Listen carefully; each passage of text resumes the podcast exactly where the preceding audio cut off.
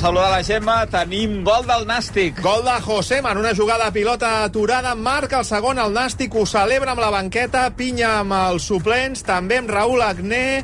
Societat Deportiva Logroñés 1, Nàstic de Tarragona 2, 26 de la segona. Hola, Gemma Montero, bona tarda. Hola, Xavi, bona tarda. Entrem en el món de l'ultrasports, el superesports. Per la setmana vinent un bon grup de catalans marxen a l'Everest i no per fer el cim, precisament, Gemma. No, no per fer el cim no, és per fer l'Everest Trail Race, una cursa per etapes, n'hem parlat aquí ja a l'Ultrasport, són 170 quilòmetres en total i, déu nhi més de 26.000 metres de desnivell positiu acumulat, això sí, en autosuficiència. És una cursa amb participació reduïda, però que s'organitza des de Catalunya i, per tant, hi ha força catalans. Eh, I un d'ells és el Jordi Gamito. Hola, Jordi, bona tarda. Bona tarda. Què tal? Com estem? Doncs bé, molt bé. I això tu, com estàs? Ja acabant la temporada, queden eh, poques proves. Com, com estàs? Com et trobes? Bé, content. Content, amb moltes ganes, molta il·lusió i, i bueno, al principi de temporada va anar una mica malament, però ara sembla que, que tot pinta molt millor. Recentment eh, t'hem vist a l'Ultra Pirineu, que vas acabar cinquè eh, dins el, el top 5 d'aquesta edició d'enguany, i després has fet també la, la Mer Mallorca 5.000, per qui no la conegui, perquè l'Ultra Pirineu sé que la, la coneix tothom, però la Mer Mallorca és eh, a la Serra de Tramuntana, una cursa de 66 quilòmetres i 8.000 metres de desnivell positiu. Aquí vas acabar segon. Eh, per tant, suposo que les sensacions, com tu dius, d'aquests últims dos mesos són prou bones. Sí, la veritat és que, és que sí, vaig estar tot l'estiu tot l'estiu treballant, treballant fort, treballant per Ruta de Montblanc. Al final la cursa no em va sortir com, com jo esperava, però al final la feina estava feta, no? Llavors ha sigut, doncs, bueno, acabar d'ajustar una mica la, les veles i, i encarar doncs, la, aquestes últimes curses ja al final de temporada. Què és el que t'ha anat fallant, eh, Jordi, en aquest 2022? Bueno, jo crec que una lesió que tinc en el turmell, que bueno, no, vaig, no vaig acabar de fer net i és el que m'ha trontollat durant mitja temporada, no? Fins que hem pogut trobar la clau perquè no em fes mal i de més, doncs bueno, al final he he anat patint durant els primers sis mesos. Sí que és veritat que he anat fent curses, però, per exemple, a Gran Canària, a falta de 15 quilòmetres, es va despertar el turmell i al final vaig acabar els últims 15 caminant, llavors, doncs, bueno, Uh, jo crec que ara hem trobat la clau i ara quan acabi tot el que me queda ara de temporada, que em queda la, la cursa de l'Everest i la cursa de Tailàndia, doncs llavors ja farem un descans i, i acabarem d'ajustar el turmell per l'any següent.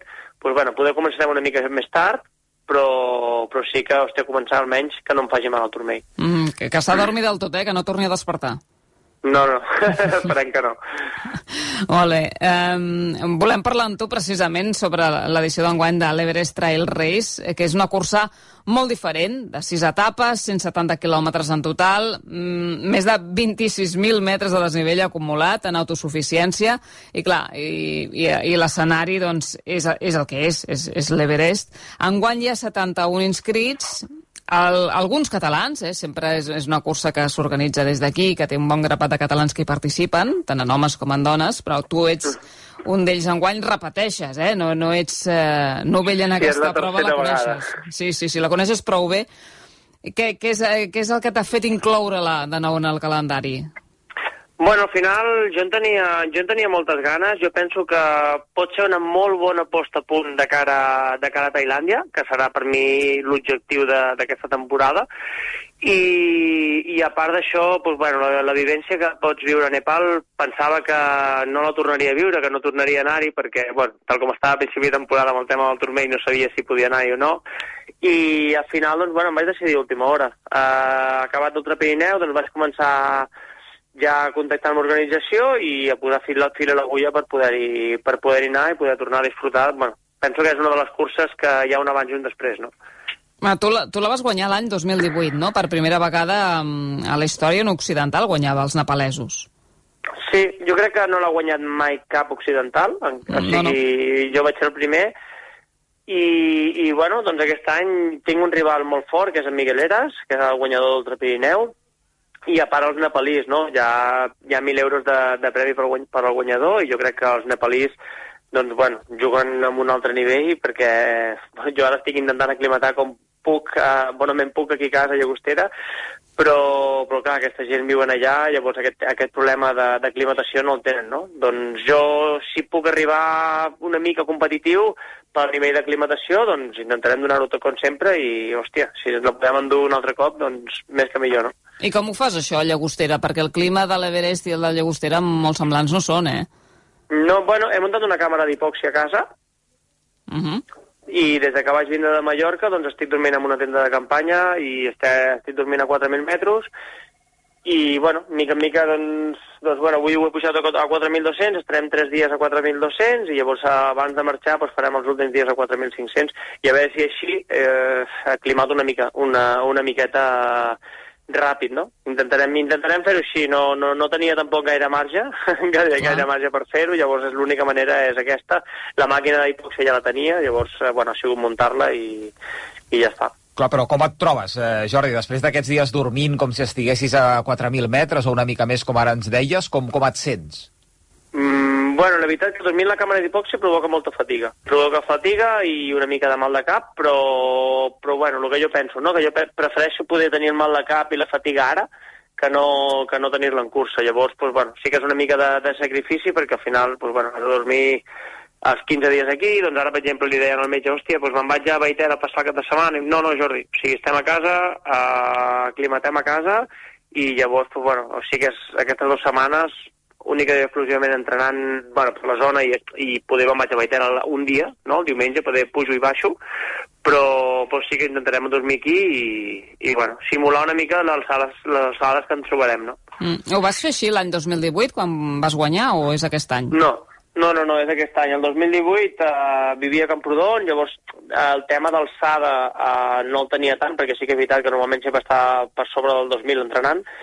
Ara eh, l'estar aquí visquent, doncs, bueno, jo penso que és molt més, eh, molt més complicat a nivell d'aquest tipus de curses, i si no faig amb la màquina, doncs, hòstia, em costarà molt el doble, no? Llavors, bueno, eh, estem fent proves. Sí, encara falta molt per aprendre. Mm, molt bé. Uh, com dius, uh, el Miquel Era està acompanya, que és un home experimentat també en, en el món del trail. No sé si ell està fent la mateixa estratègia que tu. Uh, ell, ell debuta, no?, a l'Everest Trail Race? Uh, jo crec que sí, que, que ell debuta. Sí, no sí. sé si va, hi ha anat una, o hi ha anat un altre any, no sé si va anar-hi l'any passat, no ho sé, eh? crec que sí que va anar-hi l'any passat. Uh -huh. Perquè l'altre dia m'ha comentat alguna de, del tema del sac i que va pecar una mica amb el tema del pes i de més, que quin sac portava jo i així. Llavors, bueno, jo penso que en Miguel, eh, curses per etapes, bueno, i tal com està ara físicament, eh, està indomable, però, però bueno, al final són curses per etapes, són sis dies, llavors pot passar de tot, o sigui, no... No sé, Uh -huh. veurem a veure. I com dius, hi ha els nepalesos, no?, que um, hi, ha, hi hagi premi o no, però el premi, eh, òb- òbviament, és un al·licient, doncs són els que coneixen millor el terreny i els que ho tenen tot per la mà.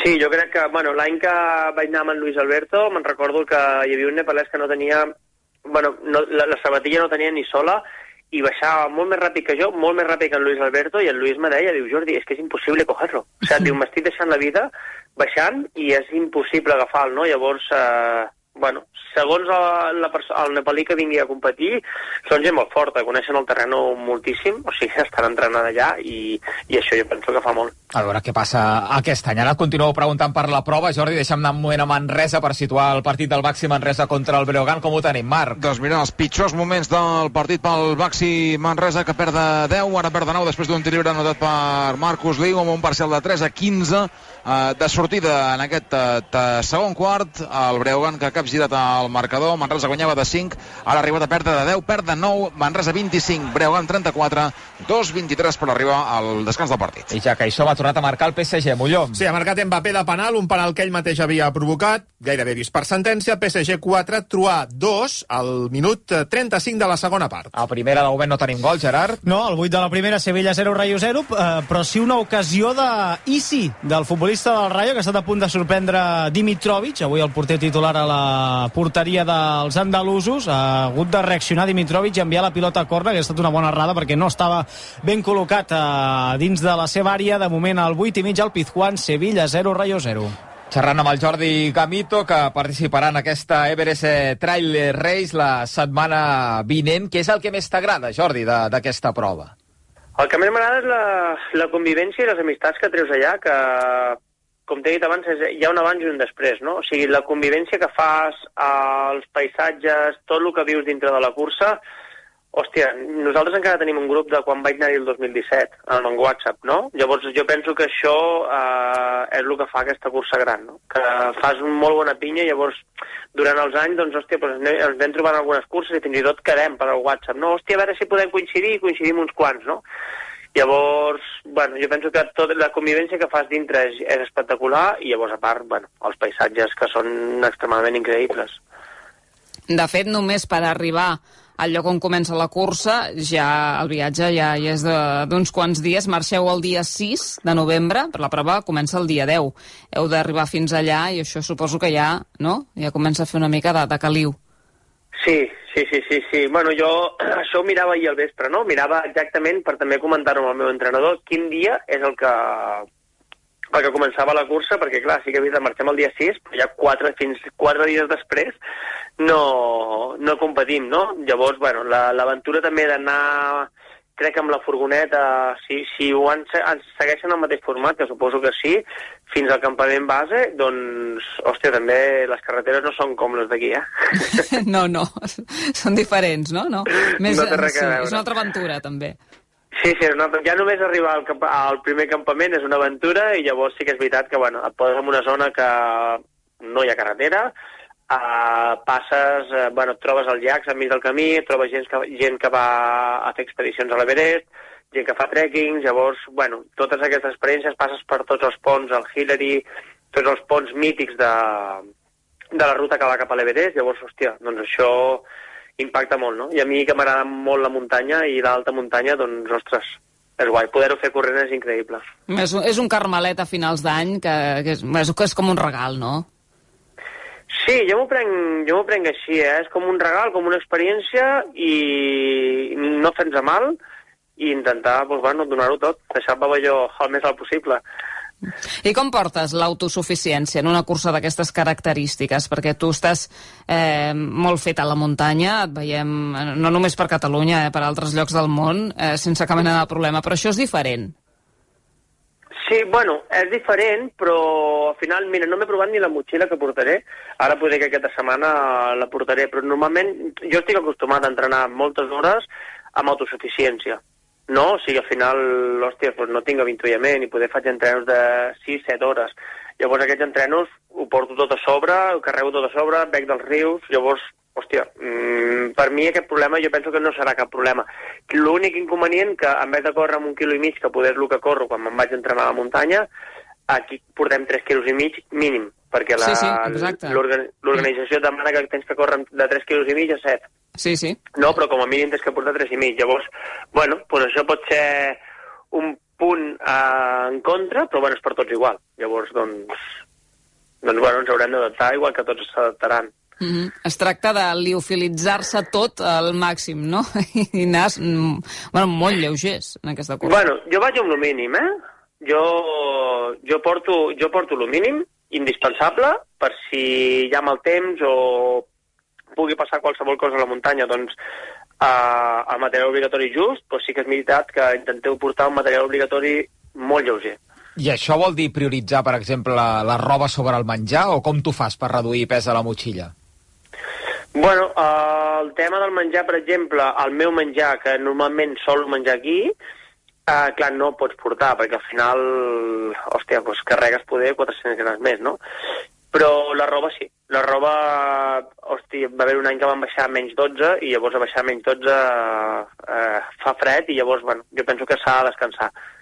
S'ha de descansar després de cada etapa i a la que portes 4 o 5 etapes, doncs, hòstia, si no has descansat bé i no t'has abrigat més vespre, doncs això, hòstia, no t'aixeques igual, no? Llavors jo això sí que, sí que ho prioritzo. Clar, menys 12, imagino que a la nit, no? A la nit, a la nit, 0, sí. com ho portes, sí, això? Sí.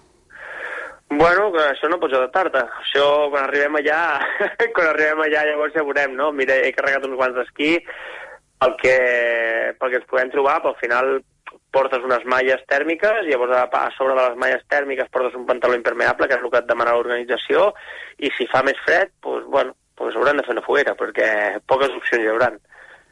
Això, això és l'autosuficiència, de fet, no? Aquesta sí, és la sí, gràcia. totalment. Aquesta és la gràcia i, i bueno, això és el que ens agrada. Mm -hmm. Um, acabes l'any amb aquesta Everest Trail Race i després dius que um, te'n vas cap a Tailàndia, no? A Doi Tanon, de, del 8 a l'11 acabes tard la temporada, però um, perquè allà tens un objectiu.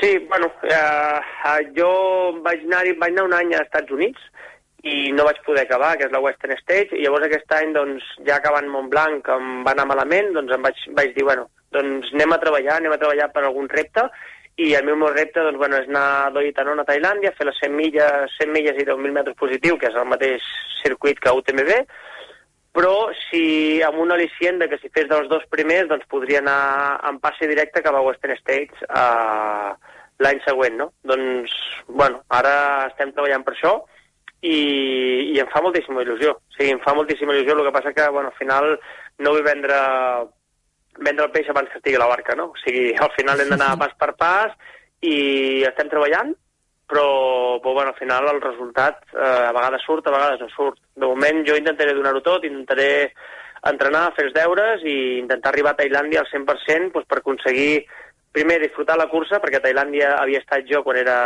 boxejador del Muay Thai, l'últim cop vaig barallar el Lumpini, d'això ja fa més de 8 anys i ara doncs, em fa molta il·lusió tornar com a corredor i a part, hòstia, doncs com a corredor i poder intentar aconseguir aquest somni, doncs, bueno, em motiva.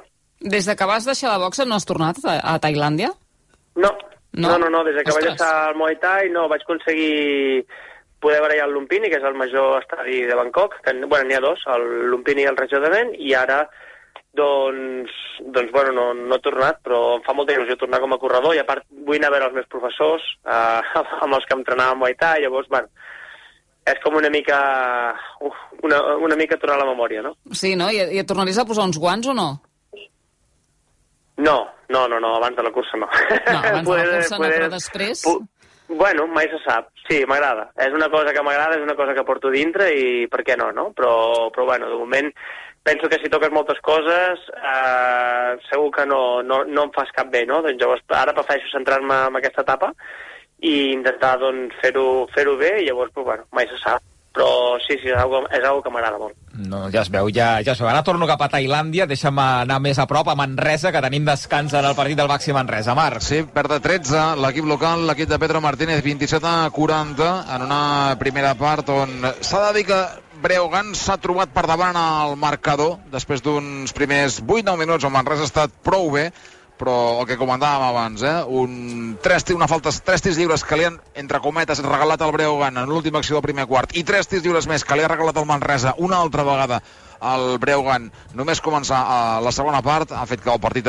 capgirés i que Breugan molt ben posat damunt del parquet eh, doncs li estigui posant les coses francament difícils. El Baxi Manresa que està tenint molts problemes per trobar un forat a dins la pintura i a sobre està molt desencertat en el tir exterior. 3 de 17 en tirs triples en llançaments triples. Al descans aquí al Nou Congost el Manresa perd de 13 Baxi Manresa 27 Breugan 40 De Manresa cap a Tailàndia, xerrant amb el Jordi Gamito, i per recordar vells temps, no, Jordi? També aquesta visita una altra vegada per eh, competir a Tailàndia, on també, pel que expliques, va ser molt feliç amb aquesta altra activitat ben diferent al trail. Sí, sí, no, no, totalment. Jo quasi tots els estius marxava juny, juliol i agost a Tailàndia i tinc molt bons records, tinc molt bons amics i, i jo penso que, bueno, que això és un, un al·licient extra per poder, per poder tornar i, hòstia, i tornar de la manera de, de corredor, doncs, hòstia, doncs és algo especial. Mm. I dius que potser comences més tard la temporada del 2023. On creus, eh, en quina prova creus que, que podries eh, començar l'any? Vale, començar, la cursa la tinc clara, però és una cursa curta, és una cursa de 30 i pocs quilòmetres, és a Cantirados del Norte, a, a la illa de la Palma, però no és l'objectiu. Vale, llavors, a Cantirados del Norte em fa molta il·lusió, és com, bueno, són com uns germans per mi, i, i bueno, al final ens trobem amb en Daniel Jung, en Hannes Hanenberg, que són molts amics estrangers, però ens trobem sempre en aquesta cursa, i em fa molta, molta il·lusió anar-hi, em tracten superbé, i jo crec que aquí començarem la temporada, però serà com, bueno, com una com un aperitiu de cara, a, de cara a lo que vindrà, no? Uh, vull mirar a veure el mes d'abril, començar ja a posar alguna ultra, i, i bueno, encara, encara em falta decidir, no? Però, però bueno, sí que és veritat que l'any que ve prefereixo poder una mica menys curses i anar, i anar, i anar a buscar-les, no? O sigui, anar, anar a lluitar-les des, de, des del minut 1. Però seleccionar una mica més, que va, fins ara no ho feia, poder. Ah, entenc que la Transgran Canària no te la planteges, per tant, eh? No, no, no, no, no, no aquest any no, perquè al final, bueno, ja com t'he dit abans, vull recuperar bé el turmell, mm. Quan vull acabar a Tailàndia, recuperar el turmell i llavors centrar-me per això. O sigui, primer començar amb una cursa més curta, que és aquesta de Canterals del Norte, però amb, amb la mirada pues, cap a una altra cursa, no? com podria ser Madeira, Marató de Sables o la, la del Monte Fuji. No ho sé, he d'acabar de, de, de centrar-ho, d'organitzar-me, però per aquí iran els tiros, més o menys. I, i descartes l'UTMB? No, no la No, descarto. és, mai, és, un dels, és un dels objectius. Val, val, val, val. Perfecte. Home, um, has, has tocat una mica de tot. Montefuji, Marató de Sables, eh, realment, eh, per la Marató de Sables no entris a la càmera d'hipòxia, eh? això no, eh? No, no, no, no, no, no hauran de fer-ho diferent. Eh, al però, revés, eh? Però bueno, em refereixo que el mes d'abril, aquestes curses que t'he dit són les curses que hi ha al mes d'abril, Vale, llavors, eh, pot ser que sigui algunes de, alguna d'aquestes tres o, o llavors ja anem cap al maig. Eh, mm. Jo crec que per mi em fa il·lusió fer alguna a l'abril i, i llavors ja veurem. També, si no fes l'UTMB, vull fer un repte que és eh, que només l'ha fet Iker Carrera, que és anar de Chamonix a Fermat, però, però bueno, està, de moment estan a l'aire, falta que, bueno, que m'ho concedeixin i si llavors m'ho concedi, concedissin, doncs, bueno, iríem a per ell perquè hi ha un rècord, hi ha 21 hores 20 que va fer-ho l'Iker, llavors aquest any, doncs, bueno, també jo li donaré una mica de prioritat en aquest repte. Però eh, encara no puc parlar del tot cert perquè està tot en l'aire. Clar. Uh -huh. Bueno, pendent del turmell, sobretot, no? I després de que Sí. tot s'acabi de, de confirmar. Sí, sí, totalment. Per això vull acabar temporada al desembre i acabant temporada al desembre, llavors ja centrant-nos, acabar de recuperar, si tinc que acabar d'ajustar les plantilles, perquè no... Bueno, al final tinc un, un petit pinçament en, a, en el lligament, llavors, doncs, bueno, si es calça poder el peu eh, que, i descansa una miqueta, doncs poder aquest pinçament ja es relaxa i, i no torna a passar. Llavors, això és el que és la meva prioritat a principis d'any, fer molt d'esquí, fer molta bicicleta i llavors a partir d'aquí doncs, començar la temporada, però bueno, sense dolor, que és el que vull. Doncs ja veiem com es perfila, Jordi, el calendari de la temporada que ve. Abans, però, a gaudir d'aquestes dues últimes proves del 2022, l'Everest Trail Race i aquest retorn a una terra que t'estimes tant com és eh, Tailàndia. Sí, sí, jo crec que aquestes du du dues curses eh, m'omplen d'ànima i, i em fa moltíssima il·lusió. O sigui, irem per totes, però sobretot a disfrutar-les. Jordi, moltes gràcies per aquesta estona i que acabi molt bé la temporada. Moltes gràcies, gràcies a vosaltres. Més coses, Gemma. Demà es disputa l'última jornada de la gran final de les Golden Trail Series a Madeira. I si no hi ha cap sorpresa, la neerlandesa Nienke Brinkman, atleta de Nike, guanyarà en categoria femenina, després de la gran etapa que va fer dijous passat, i el suís eh, de Salomon, Remy Bonet, ho farà en homes. Veurem si la basca Sara Alonso aconsegueix la segona posició. I el cap de setmana vinent, a banda de l'Everest Trail Race, el Mundial de Trail i Curses per Muntanya a Tailàndia i la Marató de Nova York, se celebrarà a Vic la 41a edició de la Fira de Muntanya. Es mantenen totes les activitats tradicionals, sobretot la Fira del Llibre de Muntanya o la Caminada a Matagalls Vic, amb la gran novetat enguany del primer festival d'escalada, una disciplina que, com saps, doncs, continua creixent molt i molt a tota Catalunya. Doncs sí, senyor, i s'afegeix aquest festival de, de l'escalada la setmana que ve, amb aquesta fira de muntanya a Vic, 41a edició, ja, que és tota una tradició. Com tenim, eh, Gerard, el partit a primera? A l'equador de la primera meitat, 22 i mitja el Sánchez eh, Pizjuán, no hi ha gols i no hi ha ocasions. De fet, eh, aquella disco al primer minut i mig que ha desviat Dimitrovic és l'ocasió més clara del partit. El Sevilla a vegades té més pilota, però no acaba de, de fer mal a l'àrea contrària. Recordo que continua jugant-se un davanter centre pur, que juga Isco com a nou, de moment 0 a 0 al Pizjuán.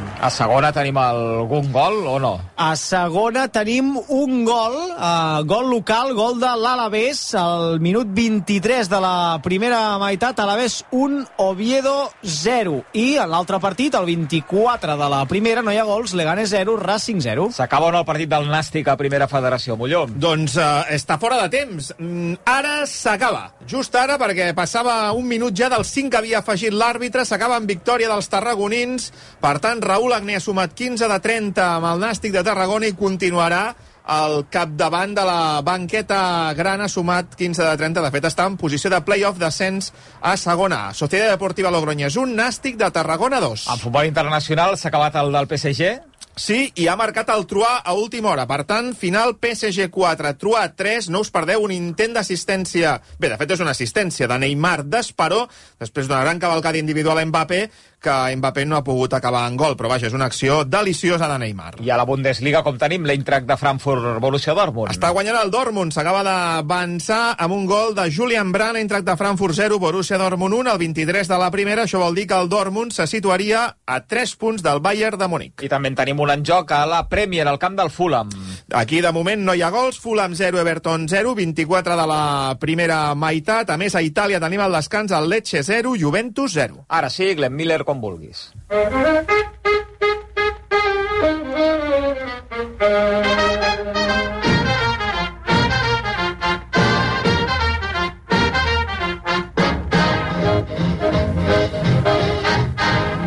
I abans d'arribar a la meta de l'Ultrasports hem d'escoltar Miquel Pucurull que avui es lamenta que la secció d'atletisme del Barça renunciï als campionats espanyols. Amics i amigues, s'ha anunciat fa uns dies que la secció d'atletisme del Club de Futbol Barcelona no participarà la temporada que ve a la Lliga Nacional Masculina. No puc discutir les decisions que pren el president de l'entitat perquè la situació econòmica del club és delicada, però sí que puc lamentar profundament que per tal de retallar despeses surti perjudicada una secció com la d'atletisme. La més antiga després de la de futbol, perquè, pel que se sap, l'any 1900, mesos després de la fundació del club, ja hi havia atletes que participaven en competicions amb la samarreta del Barça. Una secció que ha tingut quantitat d'atletes olímpics i que, precisament, ha estat 15 vegades campiona de la Lliga a la cara renúncia. Sap greu la decisió presa pel que pot suposar pel futur de l'atletisme. Només cal recordar que fa molts anys un president del Barça va eliminar el bàsquet de la primera divisió i va caure en el més complet ostracisme fins que es va recuperar. I sobretot, perquè a fi de comptes, sabent que aquest estiu el club s'ha gastat 153 milions en fitxatges per la secció de futbol, la rebaixa a la de l'atletisme se m'acut que deu de ser la xocolata del lloro. Fins al cap de setmana que ve, correu molt. De pressa o a poc a poc, però molt. Doncs la visió de Miquel eh, Pugaroll, que no li ha acabat de fer gràcia a aquesta renúncia del Barça a competir en els campionats eh, espanyols. Gemma, la setmana que ve més. Eh, que vagi bé, adeu-siau. Adeu, Xavi. Bona tarda.